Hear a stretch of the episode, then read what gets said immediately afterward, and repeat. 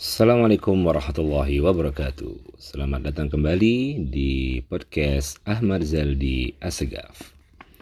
Ashabil kiram yang dirahmati Allah Subhanahu wa taala. Mari kita memulai kajian tasawuf selanjutnya. Sama-sama kita membaca doa terlebih dahulu. Rabbi zidni ilman warzuqni fahman bi rahmatika ya arhamar rahimin. Bismillahirrahmanirrahim dengan menyebut nama Allah yang Maha Pengasih lagi Maha Penyayang. Segala puji bagi Allah Subhanahu wa taala yang telah menciptakan manusia dalam bentuk dan takdir yang paling sempurna. Dia telah memberikan pilihan kepada manusia untuk mengabdi kepadanya dengan sungguh-sungguh. Semoga Allah Subhanahu wa taala senantiasa menurunkan salawat dan salam kepada junjungan kita Nabi Muhammad sallallahu alaihi wasallam. Muhammad bin Abdullah nabinya, manusia pilihannya, pembawa berita gembira dan ancamannya beserta segenap keluarga, sahabat yang telah memperindah agama Islam dari kezaliman, dari kegelapan kafir menjadi terang dengan cahaya Allah Subhanahu wa taala. Ashabil kiram, perlu diketahui bahwa budi pekerti yang mulia adalah sifat utama dari baginda Nabi Muhammad sallallahu alaihi wasallam. Perbuatan yang paling utama para siddiq, para orang-orang yang jujur, para orang-orang yang mulia. Separuh agama dan buah dari perjuangan orang-orang yang bertakwa. Itulah budi pekerti. Sebaliknya, budi pekerti yang buruk adalah racun yang dapat membinasakan seseorang, keburukan yang terlihat, keburukan yang menjauhkan seseorang dari Tuhannya. Budi pekerti yang buruk termasuk sejumlah penyakit hati. Karena itu para dokter tidak dapat mengobati segala penyakit hati dengan pengobatan yang sempurna yang dapat mengobati segala penyakit hati hanya Allah Subhanahu wa taala. Hal ini sebagaimana yang disebutkan Allah Subhanahu wa taala dalam firman-Nya, A'udzu billahi minasyaitonir rajim. Qad aflaha man zakkaha wa qad khaba man dassaha. Artinya, sesungguhnya beruntunglah orang-orang yang mensucikan jiwa itu dan sesungguhnya merugilah orang-orang yang mengotorinya terdapat dalam Quran surat Asy-Syams ayat 9 sampai dengan 10. Maksud dari firman Allah Subhanahu wa taala ini mengisyaratkan bahwa orang yang beruntung adalah orang-orang yang membersihkan hatinya dari segala kotoran hati. Dan sebaliknya, orang yang sengsara adalah orang yang selalu mengotori hatinya dengan kotoran hati. Ashabil kiram, berbicara mengenai keutamaan budi pekerti yang mulia. Di dalam ayatnya Allah Subhanahu wa taala berfirman memuji budi pekerti baginda Nabi Muhammad sallallahu alaihi wasallam. Terdapat dalam surat Al-Qalam ayat 4 yang berbunyi A'udzu billahi minasyaitonir rajim. Bismillahirrahmanirrahim. Wa innaka la'ala khuluqin 'azim yang artinya dan sesungguhnya engkau wahai Muhammad benar-benar berbudi pekerti yang agung. Ada seseorang bertanya kepada baginda Rasulullah Shallallahu Alaihi Wasallam tentang budi pekerti yang mulia. Maka beliau Shallallahu Alaihi Wasallam membacakan firman Allah Taala berikut. A'udzu billahi minasyaitonir rajim. Khudhil afwa wa'mur bil urfi wa'arid anil jahilin. Yang artinya, jadilah engkau pemaaf dan suruhlah orang mengerjakan yang ma'ruf serta berpalinglah daripada orang-orang yang bodoh.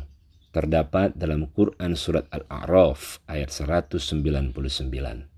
Ma'ruf adalah perbuatan yang baik. Setelah membaca ayat ini, kemudian beliau Shallallahu Alaihi Wasallam bersabda, huwa an tasila man qata'aka wa tu'tiya man haramak wa ta'fu amman zalamak. Artinya, maksud dari firman Allah Subhanahu wa taala di atas adalah hendaknya engkau menyambung siapa pun yang memutuskan hubungan denganmu. Hendaknya engkau memberi kepada siapa pun yang tidak mau memberi kepadamu. Hendaknya engkau memaafkan kepada siapa pun yang berbuat zalim kepadamu. Hadis riwayat Ibnu Mardawiyah dengan sanad Hasan dan hadis riwayat Ahmad hadis nomor 15618. Kemudian Nabi Shallallahu Alaihi Wasallam juga bersabda mengenai kemuliaan dari budi pekerti, yaitu afqalu ma yudha'u fil mizan yaumal qiyamati taqwallah wa husnul khuluq.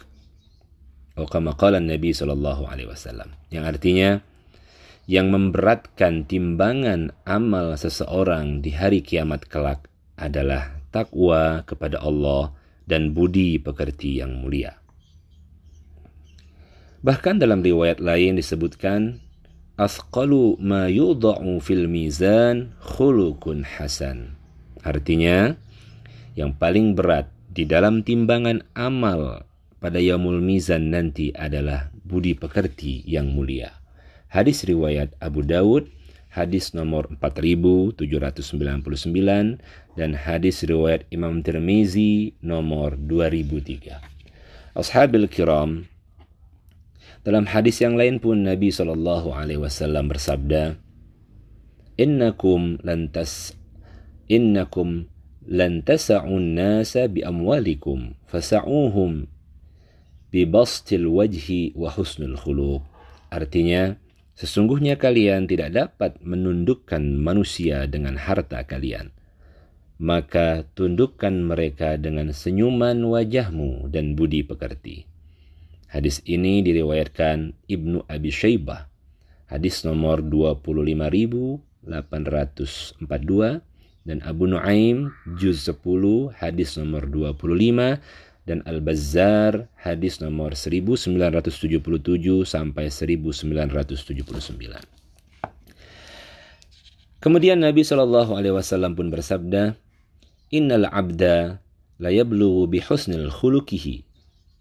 Innal 'abda la yablughu bi husnil khuluqihi al-'azim darajatil akhirati wa syarafal manazil wa innahu la dha'ifun fil ibadah.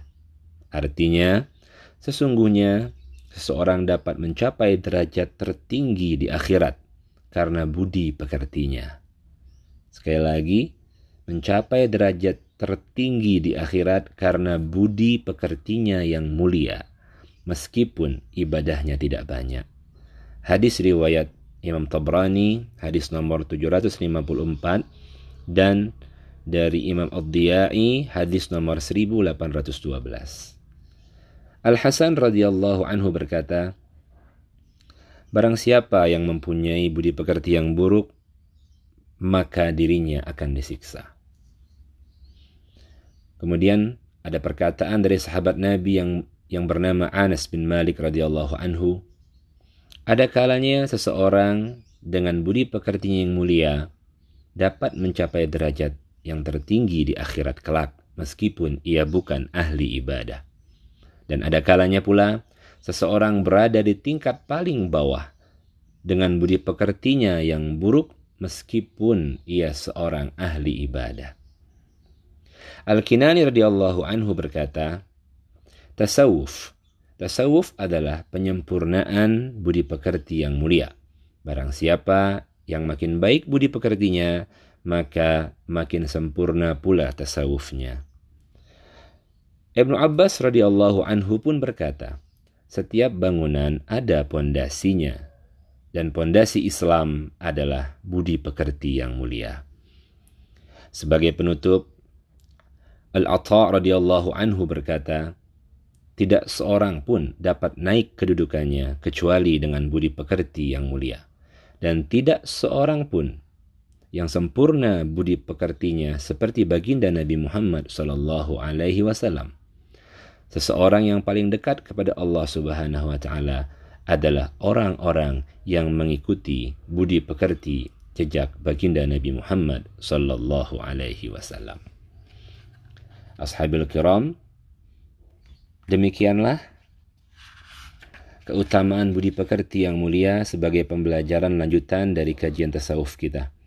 Dan insya Allah akan kembali saya ulas lebih mendalam tentang budi pekerti ini pada podcast selanjutnya. Mudah-mudahan bermanfaat. Terima kasih. Assalamualaikum warahmatullahi wabarakatuh.